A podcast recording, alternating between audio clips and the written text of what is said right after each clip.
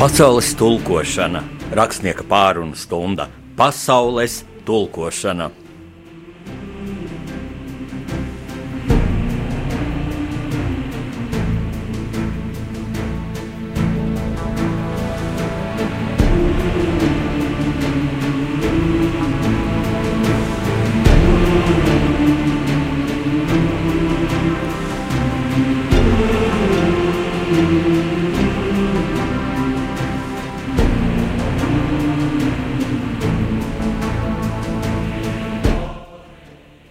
Lai slavēts Jēzus Kristus, kopā ar jums Radio Marija Latvijas studijā atkal rakstnieks Jānis Udrs, vēsturisku romānu autors.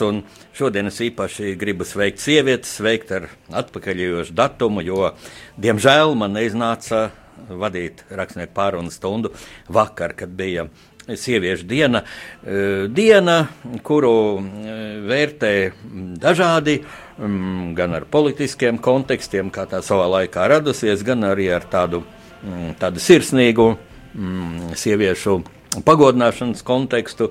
Man šie svētki liekas tā kā tāds pavasara vēstnesis, tādēļ es ļoti sirsnīgi sveicu sievietes ar aizvadītiem svētkiem. Es Es ceru, ka jūs visi saņēmāt gan ziedus, gan labus vārdus no vīriešiem, pateicības vārdus par to, ka jūs gaismojat mūsu, mūsu ikdienu, mūsu gaitu rītdienā.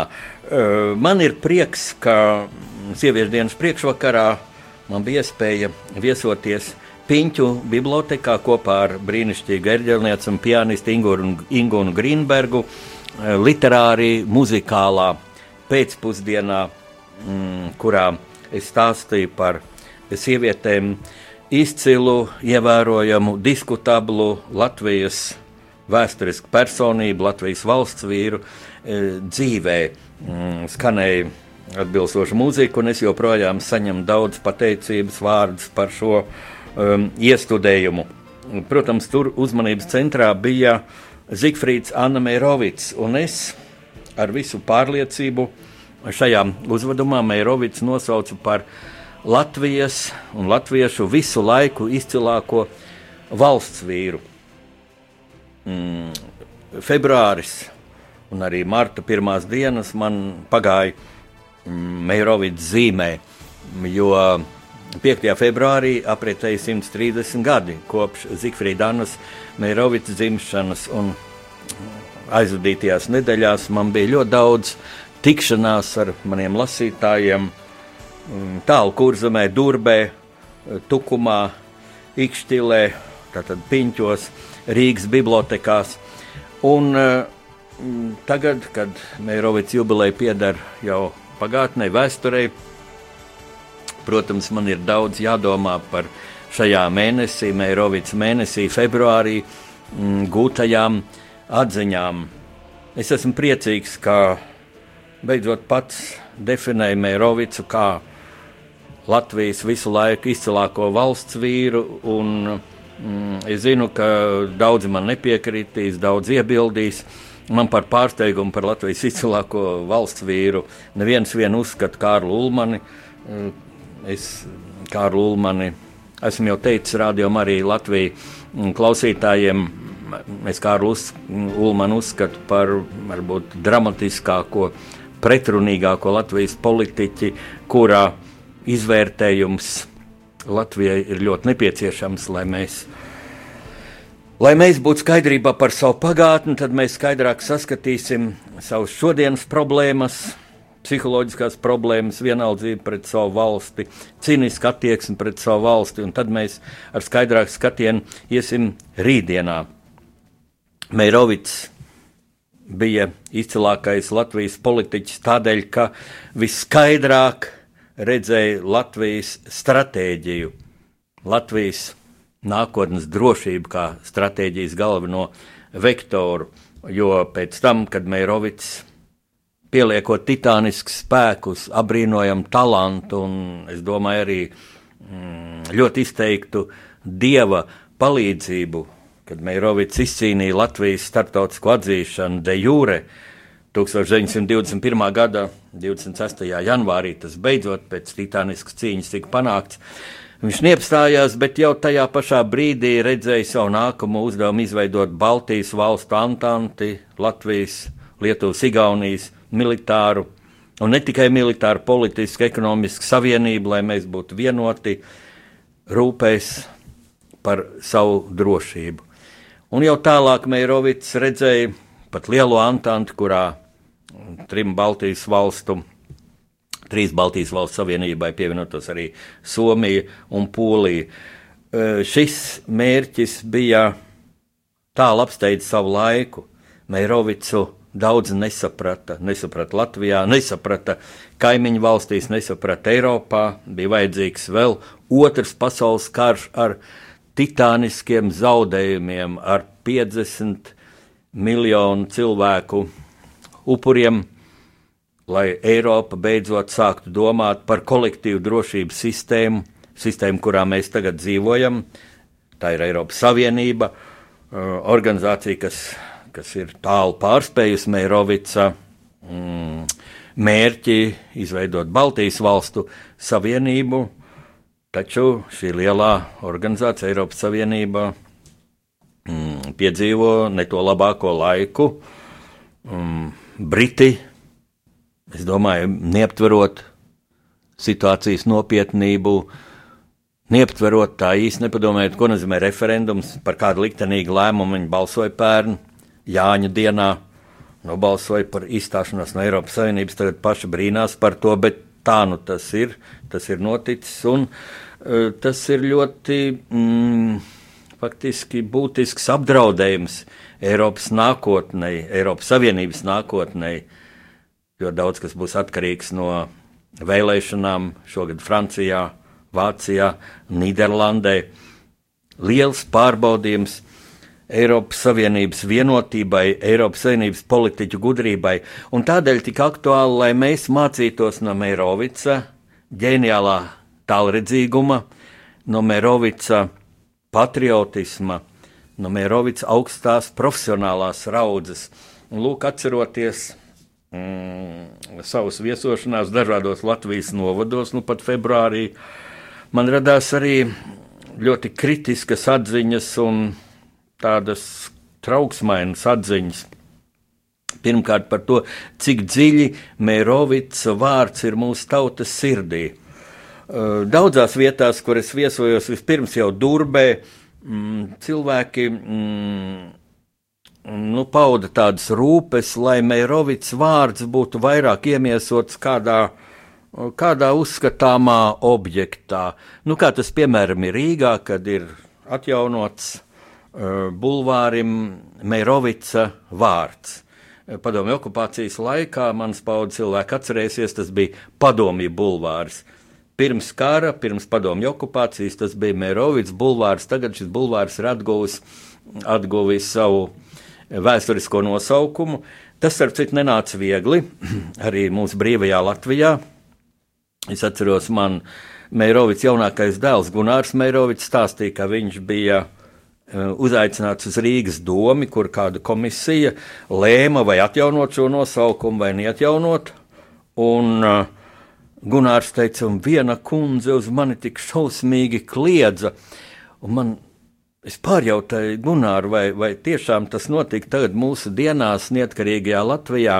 Mm, tas bija 90. gados. Mm, pagājušā gadsimta 90. gados noticis. Uh, un uh, Gunārs, protams, nebija, nebija nofiksējis, kas tā ir par dāmu, jo es tā laiku strādāju valdības avīzē, Latvijas vēstnesis, un es domāju, es būtu, būtu izmantojot savu žurnālistu tiesības. Nu, vienkārši interesējies, kā šī, kā, kā šī dāma atļaujas tik ciniski izturēties pret, pret es teiktu, visas tautas gribu, lai tiktu atjaunots bulvāra vēsturiskais nosaukums. Un tagad ir šis nosaukums. Bet, ziniet, man braucot trolēbusā pāri Vanša tiltam un dzirdot, kā tur ir diskā ierunāts. Nākamā pietura Zigfrīda Annas Mērovics bulvāris. Man jādomā, ka šeit ir bijusi arī tāda formāla pieeja. Jo sarunu valodā mēs taču sakām Meirovits bulvārs, jo Meirovits, dižanais Meirovits mums ir tikai viens. Jā, es nu pat pieminēju Gunāru Meirovits, viņa dēlu, Meirovicam pavisam bija trīs bērni, vēl kādi radiniekam ir uzvārds Meirovits, bet mēs taču visi ļoti labi zinām, ka mēs runājam par dižano uh, Zigfrīdānu Meirovicu, un pietiktu teikt Meirovicu bulvārs. Tas skanētu organiskāk, vienkāršāk, Nē, tas tā man liekas, tāda formāla pieeja. Un man liels eh, pārdoms izraisīja situācija Durbē, kur uh, neviena iela nav nosaukta Meirovica vārdā. Pirms kara tā bija. Uh, Durbas galvenā iela, kas būtībā ir arī vienīgā tāda lielā iela, kā jūs saprotat, tā ir tā bijusi šoseja, kas gāja cauri šai mazajai pilsētiņai, Latvijas vismazākajai pilsētiņai. Uh, bija nosaukta Meirovics vārdā. Šis nosaukums bija piešķirts Durbei 1931. gadā un uh, īstenojoties padomju okupācijai 1940. gada septembrī šo ielu pārdēvēja par laimi. Uh, vai par nelaimi, ne par Leņķinielu vai, vai Staļinielu, kā to laiku varēja notikt, bet par Rainielu. Kādēļ es teicu par nelaimi? Nu, ja šī ieliņa būtu uh, saukusies Leņķiniela, tad viss būtu skaidrs, noņemt nosaukumu Leņķiniela. Tagad tā, nu, Raņa iela. Lai gan būtībā jau būtu viss pamats šo nosaukumu arī atsaukt, jo Rainim ar durbi, cik es zinu, nav nekāda sakara. Rainis jau bija dzimis Latgalē. Un, un, un viņa daļrada bija attīstījusies tieši šā, šī novada mentalitātē. Nu, pareizi 5. Eh, februārī eh, tiekoties ar durbiniekiem, pareizi teica ārlietu ministrs Rinkevičs, ka tas ir Durbas iedzīvotājiem pašiem jālēma novada. Domai ir jālemj, varētu sarīkot iedzīvotāju aptauju vai noņemt šo raiņu vārdu, nosaukt šo nu, galveno ielu vai varbūt arī vienīgo tādu palielo ielu. Uh, Meirovics vārdā atkal. Es droši vien atbalstītu šādu, šādu iniciatīvu, bet uh, man negribētos, lai aiz uh, diskusijas par ielu nepazustu pazustu kas daudz būtiskāks. Proti, tas, ka ļoti maz durvis iedzīvotāji piedalījās šajos pasākumos. Nu, labi, Durbē tur, cik es zinu, pēc uh, statistikas datiem ir kāds pustūkstots iedzīvotāji tikai. Bet, nu, ja nepiedalās pat desmitā daļa no šī pustūkstoša, kāpēc nevarēja piedalīties pāris simti durbenieku? Vai tad viņi bija tik aizņemti šajā svētdienā, nu, ko viņi darīja? Sēdēja mājās, skatījās um, televīzijā kādas ziepju operas, um, Durbas novada dome bija aicinājusi izkārt karogus pie mājām. Nu, es tā paskatījos, karogi bija apmēram pie katras trešās mājas. Kāpēc nebija pie katras mājas? Uh, es negribu teikt, ka vajadzēja pavēlēt, ka vajadzēja pašvaldības policijai kontrolēt, vai ir šie karogi, nu, ko tad vēl dzīt cilvēkus uz, mm, uz šo uh, Meirovics uh, atceres dievkalpojumu. Protams, nē, tam ir jābūt mūsu sirdī. Lūk, par to ir jādomā, gatavojoties mūsu valsts lielajai simtsgadu jubilejai, kas būs nākamgad. Uh, Un šeit man prieks, ka Tukumā tiks atklāts Latvijas simtsgadu jubilejas zīmē Meirovics piemineklis. Jo pagaidām Meirovicam tāds piemineklis nav, nu, izņemot uh, brīnišķīgo pieminekli pie Meirovica kapa Rīgas pirmajos meža kapos un piemiņu zīme Meirovica bojā ejas vietā. Pats galvenais jau, ka Meirovicam ir jādzīvo katra latviešu sirdī. Varbūt liktenis bija man ļoti labvēlīgs, ka es jau bērnībā, līdz ar to, ka mans vecētiņš tika apglabāts tuvu pie Mērovics kapa, no savas vecmāmas, Omītas, kā es viņu saucu, no viņas stāstiem, uzzināju par šo dižano latvieti, kura piemineklis manu mazu puisēnu ļoti iespaidoja. Tad liktenim mm, bija tā lapaticies, ka es jau mūžu otrajā pusē, būdams pieredzējis žurnālists, mm, iepazinos ar Meirovicu dēlu, Gunāru Meirovicu, un, un uzzināju unikālas, unikālas vēstures liecības gan par Zifrīdu Annas Meirovicu bojājas apstākļiem, um, kuru acu liecinieks bija Gunārs, kaut pieci gadu vecs zēns, bet nu, viņš vistuvāk bija, bija izcilajam mūsu valsts vīram. Tajā brīdī, protams, viņš sēdēja savam tētim klēpī, un tāpēc arī Meirovics gāja bojā, jo, kad mašīna uz tāda ļoti klusa un būtībā mierīga lauku ceļa, vienkārši riteņi iegrims vai uzbērtajā grantī, mašīna gāzās, tas bija kabriolets. Visi izlaiž ārā, gan šoferis, gan Eirovica šķirtā sieva Anna, kas tobrīd bija mašīnā, gan uh, gan trīs bērni, Mērovica meita un, un vecākais dēls un, un kaimiņu puj, puisēns, kas bija arī paņemts līdz pavizināties.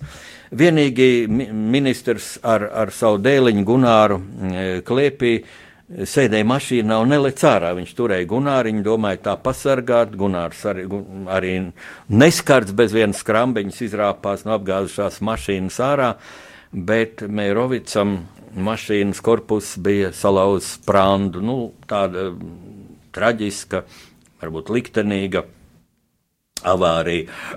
Diemžēl man tukumā, kur izvērtās tāda dzīva doma apmaiņa ar, ar lasītājiem jau pēc manas uzstāšanās, uh, mm, ļoti ilgi mēs runājam. Tā bieži gadās, ja uzstāšanās ir bijusi veiksmīga, ka ne tikai, ne tikai auditorijā, kur ir notikusi saruna ar lasītājiem, bet arī vēl, vēl gaitenī, vēl, pie, vēl garderobē tiek uzdot rakstniekam jautājumi. Un kāds jauneklis man, man teica, es skatoties tādu versiju, ka šo avāriju bija norganizējis Kārlis Ulmans. Nu, man tas likās absolūts absurds un man liekas tādas uh, tādas sazvērstības teorijas, kas mūsu sabiedrībā nu, ļoti, ļoti patīk, ka tās ir tāda, mm, nu, tāda tukša laika kavēšana, kas novērš mūsu uzmanību no reālām situācijām, no reālām problēmām. Tas, par ko ļoti vajadzētu domāt, mm, es uzskatu, pirmkārt, mūsu izglītības sistēmas veidotājiem, mūsu vēstures skolotājiem, mūsu vēsturniekiem, kuriem, es domāju, ir kopumā ļoti lieli parādnieki mūsu sabiedrībai, savai tautai, mūsu mācību grāmatu veidotājiem. Tas ir Meirovica ģeniālais veikums Latvijas labā. Mm, un rakstot romānu par Meirovicu. Šis romāns, kā jau jūs zināsiet, iz, iznāca divreiz, divās versijās. Pirmais izdevums bija 2007. gadā, un otrais 2014. gadā, papildinātā versijā. Taču abās šajās, un papildināt versiju ar to, ka es uh, atradu vēl jaunus faktus, jaunas likumsakarības Meirovica uh, īsajā, spilgtajā un liktenīgajā dzīvē. Bet uh, abas šīs grāmatas beidzas ar epilogu, kurā es iztēlojos, kā Mērovica dvēsele jau pēc viņa zemes gai, gaitu beigām redz Latvijas nākotni, diemžēl traģisko nākotni, un es gribu nolasīt šo epilogu. Meirovits dvēseles skatienam pavērās varena upe, bet tā vairs nebija Daugava. Laika upe nesa Latviju pretī tās liktenim, un Zikfrīds bezspēcīgi vēroja, kas palvaina roka ar zīmolu velk zilu svītru Eiropas kartē, kā uz līguma papīra pilu zīmogu laka, bet Latvijas robežām jau tuvojas putekļaina tanka armāda un cauri likteņzīmēm skan fotografa Finka viedie vārdi – tu aiziesi divreiz septiņus gadus par ātru. Tālākās vīzijas Zifrīdam ir īpaši mokošas. Sarkanu vagonu rindas uz austrumiem, baltu krustu rindas meža kapos, latviešu karavīri svešos mundieros. Par ko tas viss mūsu latviešu tautai sauc tūkstošiem balsu, bet kara dārdi nomāca atbildi. Atkal ripo sarkanu vagonu uz austrumiem. Dzīvē vien mirklis starp pagātni un nākotni, skanēja vārdi no mūžības, bet gars sāpēs jūta, ka viņam šis starposms zudis un dvēseli traucas nākotnē.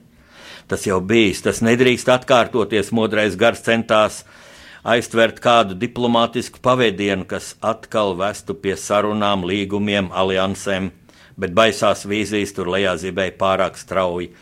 Dievs, tava zeme deg dzied latviešu vecajā ģertrūdas baznīcā, bet dievnam mūrus tricina garām braucošie vācu tanki, bet latgali, vidzem, zemgali pārpludina pelēku karavīru ordas.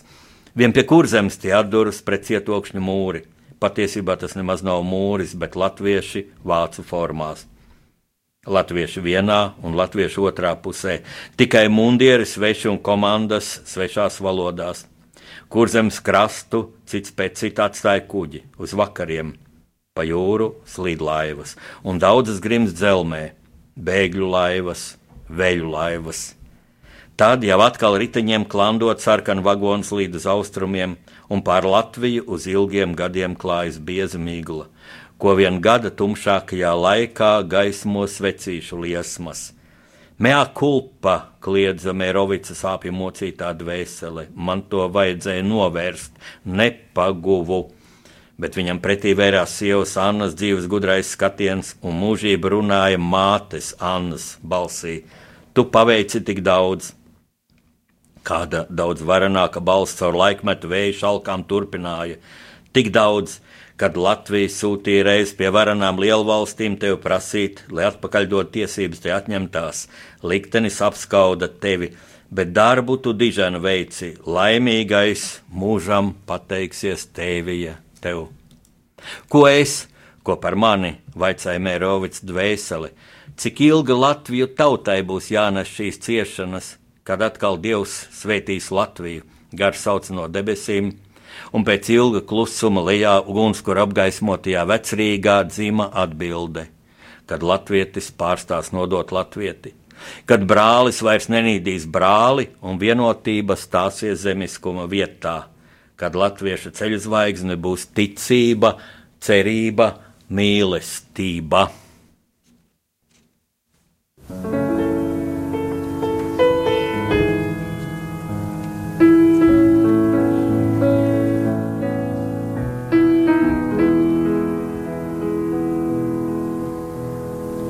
Dzied, mana dvēsele dzied, caur tūkstošu balsīm klusi. Dievs manā dvēselē dzied, kas zvaigznēm pieabirusi. Skumst mana dvēselē skumst, kā zvējas tīkli jūras krastā skumst, mana dvēsele skumst, tā skumst, kur zemē. Dzied mana dvēsele dzied, caur tūkstošu balsīm manā dvēselē dzied, kas zvaigznēm pieavirusi. Raud manā dvēselē raud par stāvu rāgam, ēmām sāpēm raud manā dvēselē raud.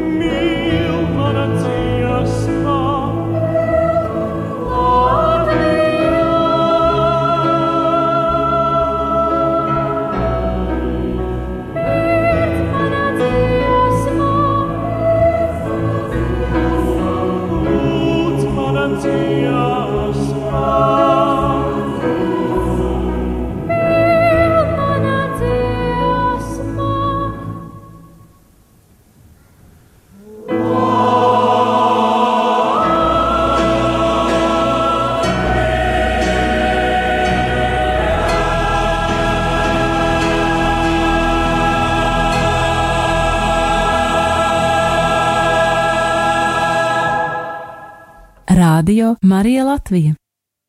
Skan rakstnieku pārunas stundā. Pasaules tulkošana man tūdaļ ir jālabo pašam savu kļūdu. Es pirms brīža aizrāvos domādams par mūsu abu dižgāru, Mērovicu un Raņa bērnību, kur viņi dzimuši. Un, jā, pareizi, Rainis dzimis Latgalē, taču vēlāk mūža jau beigu posmā, kad Rainis bija bija sasniedzis savu, savu slavu zenītu. Viņam bija sakars ar durbi, jo tur viņam Latvijas valdība bija uzdāvinājusi īpašumu. Tā kā nu, jau vairāk ir pamatoti. Ka Durbē ir Raina iela. Es ļoti atvainojos klausītājiem, un es pateicos kundzei, kur tikko zvanīja, kamēr skanēja šī brīnišķīgā dziesma. Paldies jums, kundze! Vēlreiz apsveicu jūs vakardienas sieviešu dienā.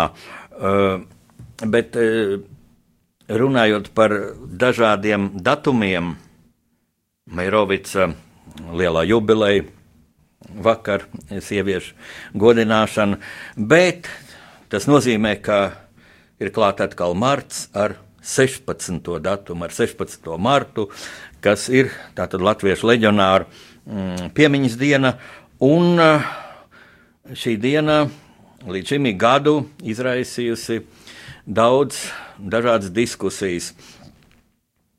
Atkal, acīm redzot, šogad, kā ik gadu, mm, būs cilvēki, kas ies pie brīvības pieminekļa, noies šo ceļu no leģionāru karu upuru piemiņas dievkalpojuma domā uz brīvības pieminekli. Būs ārzemju televīzijas, radio, preses cilvēki, kas šo gājienu apmelos, ka šos gājējus saukās par fašistiem. Un man šajās reizēs ir jādomā, mm, kā te ir vairāk cinisma, politiskas konjunktūras, jo, protams, tam ar fašismu nav nekāda sakara. Šis gājiens ir veltīts latviešu tautas smagajai vēsturei.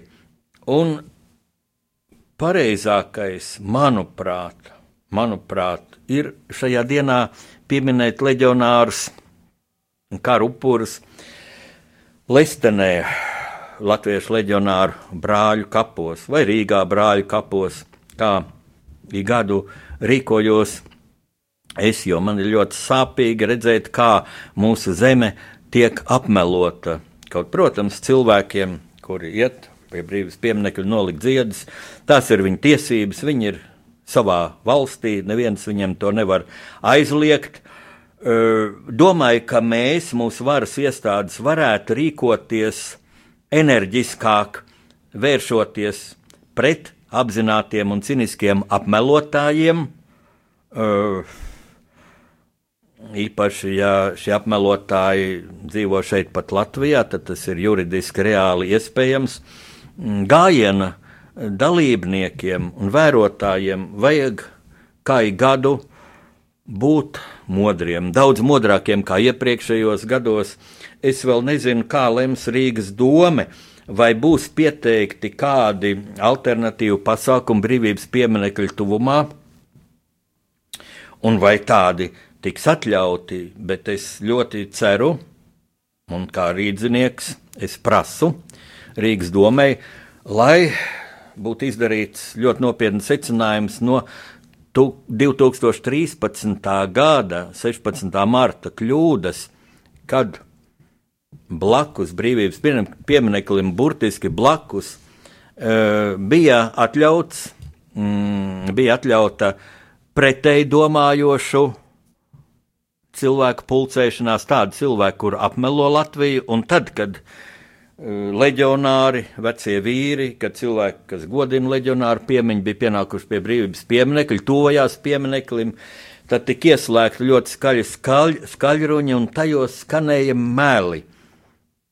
It kā, fak, it kā pareizi fakti par to, cik daudz otrā pasaules kara laikā tika nogalināti ebreji, fakti par holok, holokaustu taču leģionāriem ar holokaustu nebija nekāda sakara. Tā bija sklajākā demagoģija.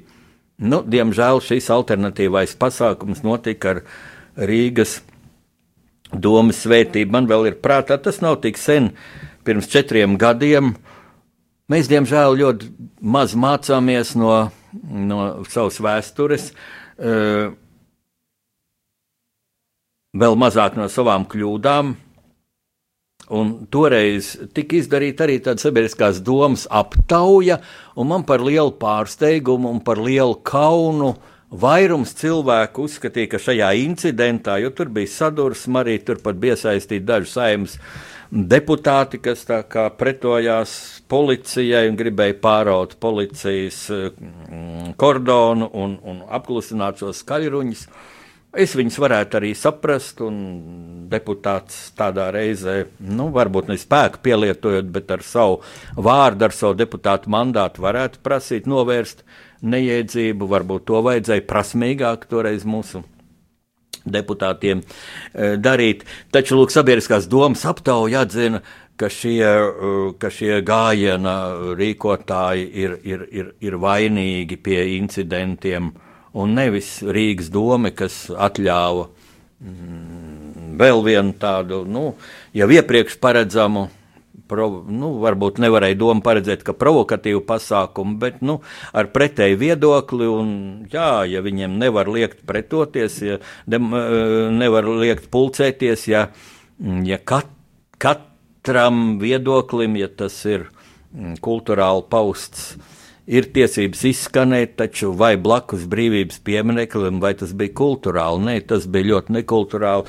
Katrā ziņā nekas tāds nedrīkst mūsu pilsētā notikt. Bet tagad es gribu atgādināt dažus elementārus faktus par Latviešu leģionu un kāpēc tieši 16. marts ir izraudzīts. Lūk, tādēļ, ka 44. gadā, 16. martā, sākās lielās kaujas Krievijā, netālu no Latvijas robežas pie Veļīkais upes, kaujas, kurās piedalījās abas Latviešu leģionu divīzijas, 15.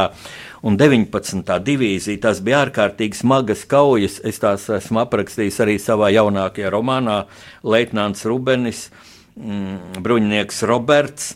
Šajās kaujās krita apmēram 2000 latviešu. Un uh, Zīmīgi, ka šīs kaujas notika latviešu virsnieks augstākajā vadībā.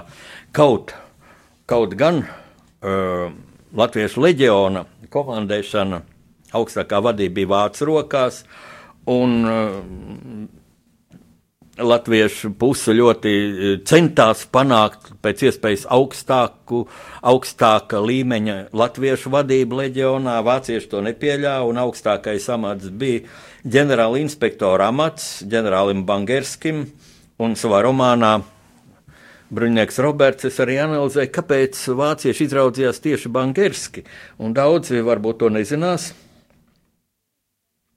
ka ģenerālis Bangerskis, atšķirībā no daudziem citiem uh, augstu izglītotiem Pirmā pasaules kara un brīvības cīņu pieredzi, kauju pieredzi iegūšiem latviešu ģenerāļiem, kas bija piedalījušies brīvības cīņās pret lielniekiem, pret Bermuda armiju. Ģenerālis Bangerskis nebija piedalījies Latvijas brīvības cīņās. Viņš arī šo savu militāro karjeru bija veicis Baltgvardu armijā Krievijā. Nu, tā tad būtībā cīnījies par cāru monarhijas atjaunošanu, un, ja šī cīņa būtu beigusies ar uzvaru, tad, protams, tāda Latvijas valsts nevarētu pastāvēt. Nu, es domāju, no vācu augstākās vadības puses tas varēja būt simpātiski. Mm, um, ka, jā, nu, ka Bangersks nav karojis pret bermontiešiem, kas bija vācu karavīri. Nu, lūk, bet 16. marts, kā Latviešu leģionāra atceres diena, tiek atzīmēts kopš 52. gada, 952. gada, un eh, šis lēmums tika pieņemts eh, Beļģijā, izveidotajā mm, kara gūstekņu nometnē, kurā bija nometināti latviešu leģionāri Cedelgemā, Cedelgemas nometnē. Tur tika izveidota Daugaus Vanaga organizācija, kas arī noteica šo piemiņas dienu. Nu, Latvijā pirmo reizi 16. martu atzīmēja 989. gadā. Latvija vēl bija mm, padomju okupācijas varā. Un tad pirmo reizi brāļkapos sapulcējās bijušie latviešu leģionāri. Viņas, pret viņiem vērsās milicija.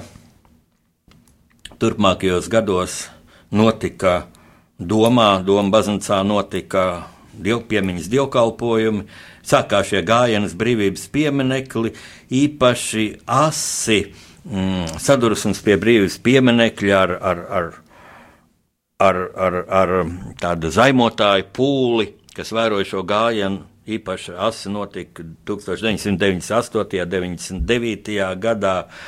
Nu, šīs um, kaislības, es teiktu, sāsināja arī saimas pretrunīgie lēmumi. Lūk, saima 998. gadā, 17. jūnijā, pieņēma lēmumu, ka šis datums ir latviešu karavīru oficiāla atceres diena, bet jau pēc diviem gadiem šis oficiālais status tika atcelts un tika nolemts, ka latviešu karavīrs pieminēt vispareizāk ir 11. novembrī, Latvijas dienā. Nu, tāds ir arī mans lēmums, nenoniecinot leģionāru piemiņu, absolūti nē, taču mums jau ir tā tik daudz aspektu, kas šķeļ latviešus. Viens no šiem traģiskajiem momentiem ir tas, ka latvieši bija spiesti Otrā pasaules kara laikā cīnīties divās savstarpēji naidīgās pretējās armijās, sarkanajā armijā un vācu armijā. Un kopējais upuru skaits bija milzīgs. Ir jau ļoti grūti aplēst, cik latviešu krita sarkanajā armijā, nu pēc aptuvenām aplēsēm 35 tūkstoši. Milzīgs skaitlis, leģionā vēl vairāk - 50 tūkstoši. Pavisam leģionā e, cīnījās apmēram 115 tūkstoši latviešu.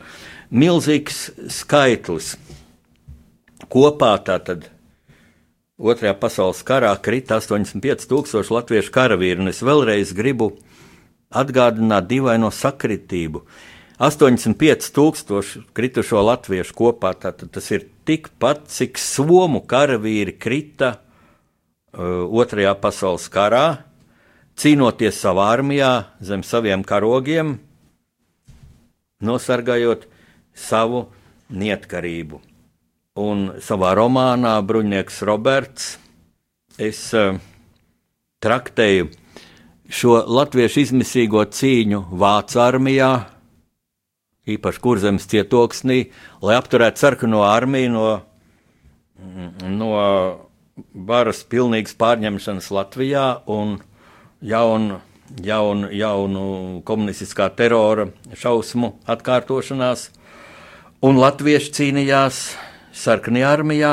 Nesteigsimies viņus nosodīt, jo tad ir jāņem vērā, ka 20. un 30. gados Latvijas skolās, īpaši 30. gados, īpaši pēc Ulmaņa 34. gada apvērsuma, bija ārkārtīgi intensīva antivāciska propaganda.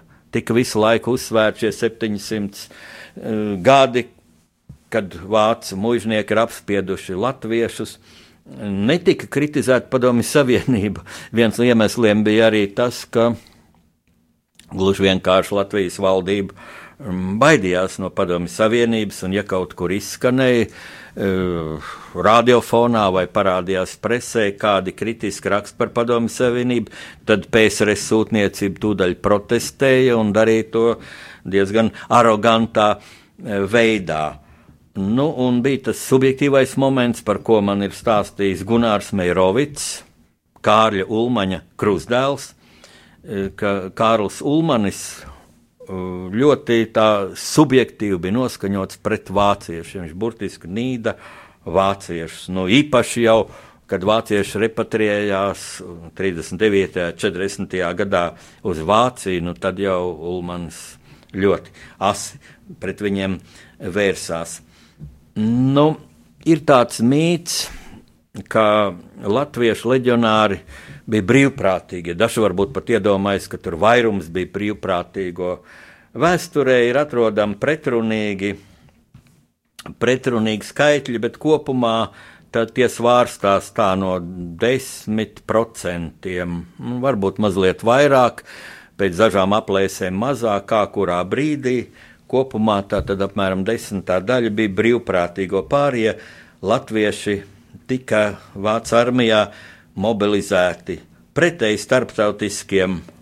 Uh, starptautiskām konvencijām, jo Latvija bija okupēta zeme un okupēta zemes iedzīvotājs nedrīkst, nedrīkst mobilizēt okupācijas armijā, okupā, okupētājs valsts armijā. Eh, to nosaka 1907. gada Hāgas konvencija. Okupētāju valstīm ir aizliegts mobilizēt iekaroto zemju karavīrus. Nu, taču Vācijai 1943. gadā jau bija pienākusi faktiski nacistiskā režīma agonija. Bija Vācu armija cieta milzīgs zaudējums frontē, un tad, protams, latvieši bija kā tāds glābējs spēks.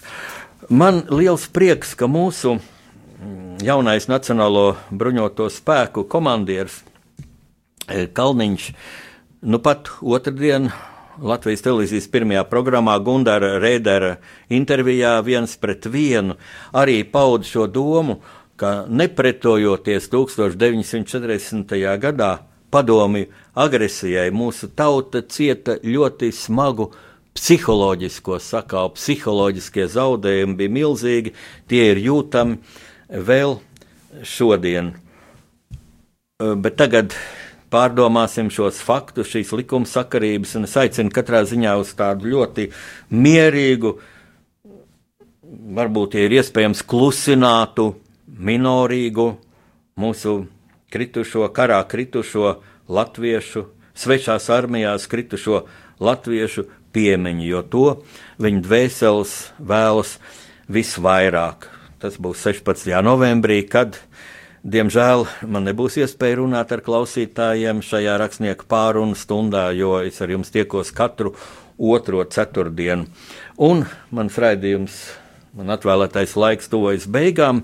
Es gribu, gribu minēt kādu epizodi. Tā var likties daudz nu, nesvarīgāka salīdzinot ar šiem lielajiem, lielajiem kalendāra datumiem, kad dzimis Mērovics, kad mūsu leģionāri piedzīvoja asiņainās kaujas. Proti, pagājušās nedēļas izskaņā Rīgā notika Taivānas filmu festivāls. Kinoteātrī Splendid Palats tika demonstrēts četras filmas, četras Taivānas filmas, trīs Taivānas, viena Holivudas filma, kur uzņēmis taivāniešu režisors Lī Anķis, bija dzīve. Un šajās filmās it kā ļoti tāla darbība no Latvijas geogrāfiski, vēsturiski, mentāli, mentalitāte pavisam cita. Taču man pārsteidz viena lieta. Es noskatījos šo filmu Pīdzīve, kas ir uzņemta 2012. gadā.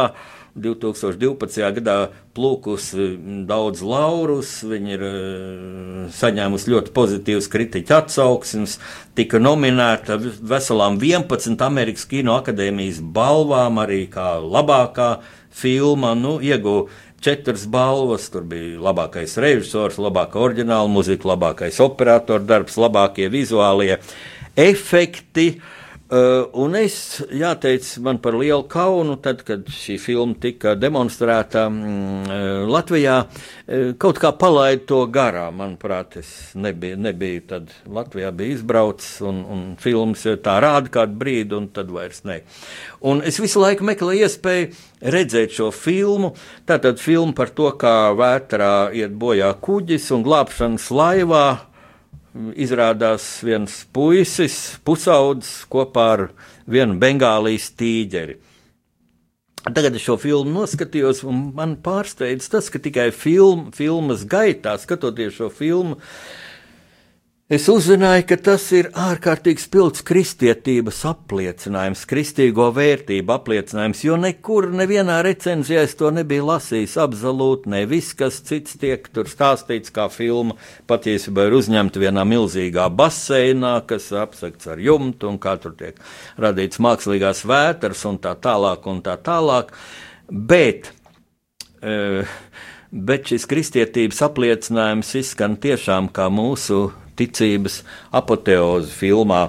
Mm, filmas eh, galvenais varonis, šis um, pusaudzis Pī, viņš ir indietis. Viņš nāk no tādas pārtikušas indiešu ģimenes, viņa tētim piedara uh, zooloģiskais dārzs, taču nu, tur rodas materiāls grūtības un jāpārdod šo zvērus, un tad zvēri tiek vest ar kuģi. Uznāk vētra, uh, zēnam vecāki iet bojā, taču šis puisis jau bērnībā ir nonācis pie kristīgās ticības zemē, kur ir simtiem dažādas dievības, višana un, un, un dažādi citi, e, citi mm, dievi. Mm, bet viņš nejauši, vienkārši zēniem rotaļējoties, ienāk katoļu baznīcā. Un draugs viņu tā ķircinot, saka, nu aizskrien turien un padzeries ūdeni, un viņš grib dzert svēto ūdeni no šī svētā ūdens trauka, un ienāk mācītājs, un kā jau kristiešu priesteris nes viņam ūdens glāzi, saka, zēn, tu gribi dzert, un puisīts prasa, bet kāpēc Dievs upurēja savu dēlu? Un tas šis priesteris tā ļoti iejūtīgi, tā kā mūsu kristiešu garīdznieki to dara, skaidro, ka Dievs gribēja, lai cilvēki redz, kā viņš izskatās tagad caur dēlu, cilvēku to redz. Puisēnam kristīgā ticība iegulda dziļi sirdī.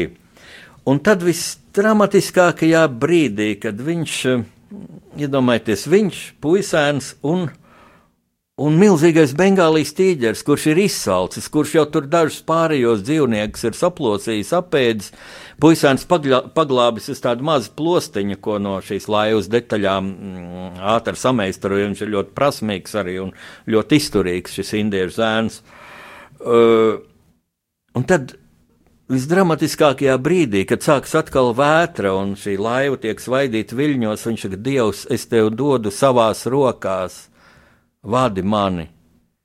Un tad parādās starp vētrainajām debesīm, starp mākoņiem, parādās saules stars, un puisēns skatās un bļauj tīģerim skaties, tur ir Dievs. Un tad ir otra epizode, kur skatoties, man tiešām bija asars acīs, kad šis tīģeris viņš grib ēst, un viņš izlec no laivas, jo tīģeri labi peld, un ķer zivis, un grib atkal iekāpt glābšanas laivā, bet laivas borts ir augsts. Un tīģeris nevar tur ierāpties. Zēns var, bet tīģeris nevar. Viņš nevar ar ķepām aizsniegt šo augstu, augsto bortu. Un zēns ir laivā un skatās, kā tīģeris peld apkārt. Un nu, ko vairāk gaida, kamēr tīģeris no, noslīgs, pu, puisēns vēl paņem, paņem cirvi, kas tur ir laivā, un vēl tā kā grasās vēl, vēl iet, iesist šim tīģerim, lai palīdzētu ātrāk no, noslīgt, bet viņš to nespēja. Un tad tīģeris, šis briesmīgais tīģeris, pēkšņi izskatās ļoti nožēlojams. Tikai pats pats purniņš vēl virs ūdens ir, lai viņš varētu ievilkt gaisu. Un tajā brīdī man ienāca prātā Bībeles vārdi, ka tad Dievs radīja dažādas meža zvērus, un sūtīja pie cilvēka, lai tas dot viņiem vārdu. Un, ziniet, puisēns paņem un, un izmet tādas redeles no laivas, lai tīģeris, šis plēsoņi varētu ierāpties atkal laivā. Un tā viņi abi izdzīvo. Lūk, ar šo ģeniālo filmu, ar pārdomām par ticības lielo spēku, es arī atvados no jums šodien. Tas Tā bija rakstnieka pārunu stunda pasaules tulkošana. Kopā ar jums bija rakstnieks Jānis Udris.